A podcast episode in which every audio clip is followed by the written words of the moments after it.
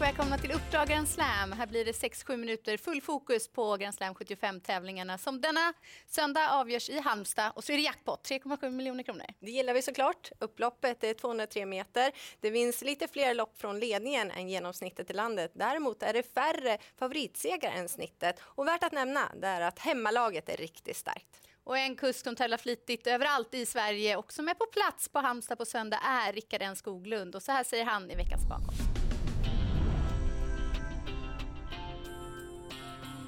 Banan är i regel alltid i toppskick och eh, man kan ofta köra med valfri balans. Eh, bra kurvor, bra raker så att det, det är en, en, bra bana så det finns inga konstigheter med den helt enkelt. Låter som att den är mer eller mindre optimal. Ja, jag tycker man kommer, kommer bra iväg för de flesta spår också och även när det är volta så är det, är det, är det brett och bra så att det, det finns ingenting att klaga på om man säger så. Ja, normalt sett så ska man ju leta spetsvinnare på Halmstad trave, men så enkelt har inte vi gjort det för oss den här gången. Vi har fastnat för hästar som har dåliga utgångslägen och till och med bakspår. Så den här gången går vi mot statistiken och hoppas att vi gör rätt. Det gör vi verkligen. Nu är förutsättningarna serverade och vi går vidare till veckans heta. Vi börjar i den andra avdelningen som är ett långlopp med en del orutinerade hästar. Och här vill jag varna för nummer 9 Global Barrister som har två lopp i kroppen efter ett halvårs frånvaro. Han gick i mål med sparade krafter senast och nu hoppar duktiga Gustav Johansson upp i sulken. Formen är stigande och med rätt resa tror jag att han kan göra upp om segern. Kapaciteten den finns där.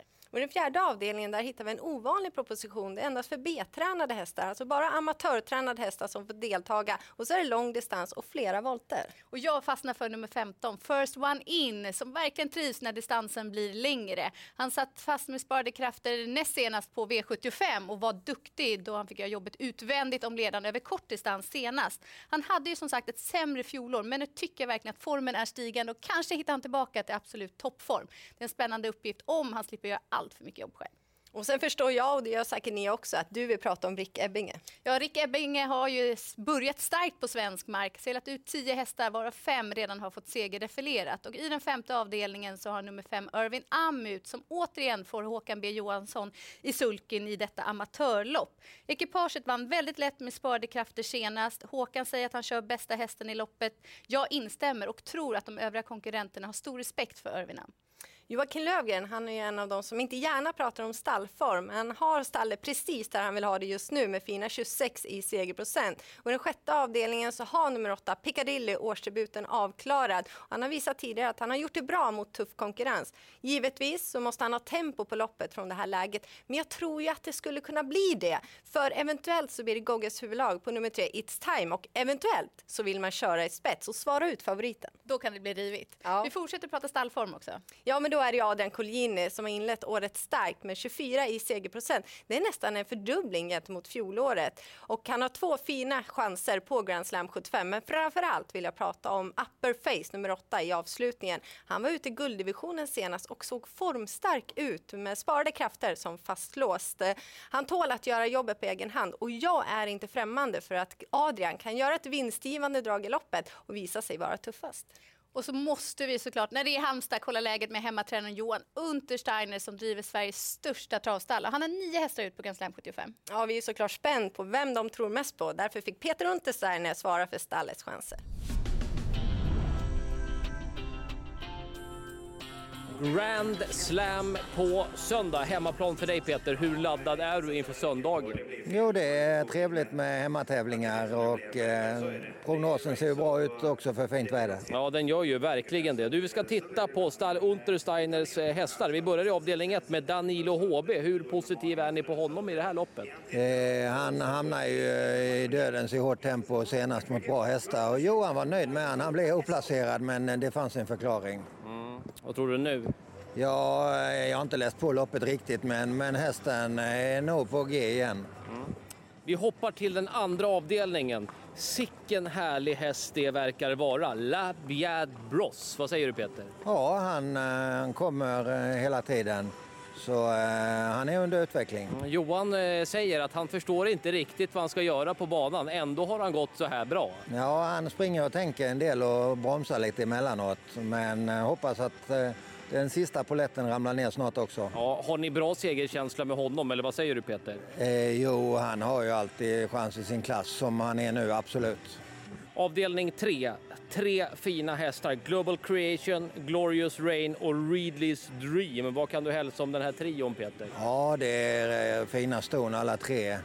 Och Glorious Rain, eh, hon har ju klarat eh, årsdebuten och vann på fint sätt. Så eh, för dagen är jag eh, misstänker att hon är den vassaste. Okej, du, du håller henne eh, först, du håller henne främst. Ja, ja, det är jag inte säker för. Det är ju fina ston de andra också. Men det är dock årsdebut, det är alltid lite svårbedömt. Men alla, alla har tränat fint. Vad säger du om Jarra Dream då, som var en vinnare i den senaste starten? Eh, hon, hon gör det bra. Hon har gjort tre fina lopp eh, och nu möter hon någon, någon bra häst där men absolut att hon, eh, hon är bra för klassen. Hur är känslan, känslan med Prinsess Kloster? Eh, det har ju mest strulat där och hon möter väldigt bra hästar nu så där, där får vi ligga lågt. I samma avdelning, den sjätte, Borups Umami då, vad tror ni om honom den här gången? Jo, han eh, har ju vettig form med en bakspår här och ett par riktigt bra hästar som jag sa där så det blir svårt att vinna, det tror jag.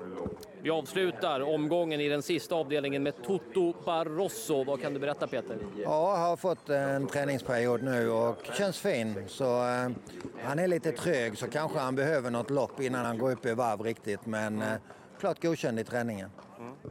Är det någon häst som du tror mer på än någon annan på söndag i Halmstad på hemmaplan?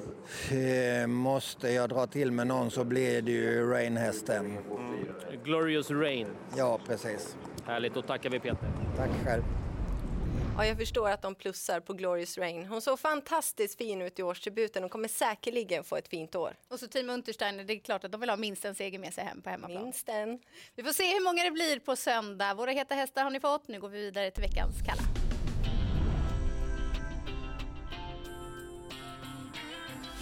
Vi börjar i den fjärde avdelningen med nummer 12, Quantum Rock, som har tjänat klart mest pengar i loppet och går ner i klass. Så på pappret ser uppgiften bra ut. Men han svek som stor favorit senast. Travet har inte stämt på slutet och jag tycker inte att det har lyst någon form kring honom. Så en tveksam favorit i mina ögon.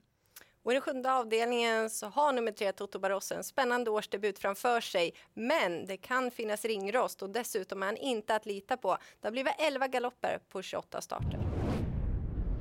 Vi inledde programmet genom att säga att Halmstadlaget är starkast. Men ska man tro våra idéer, då är det Jägersro man ska ha koll på. Ja, och framförallt Adrian Collini. Jag hoppas mycket på upper face i avslutningen. Och min Jägersro-häst är nummer 9 Global Barrister i den andra avdelningen. Se upp där. Och något jag kommer hålla koll på på söndag det är vad man väljer för huvudlag på nummer tre It's Time i den sjätte avdelningen och framförallt vad man väljer för taktik. Och så är det jackpot, så ta chansen på Grand Slam 75. Stort lycka till säger vi.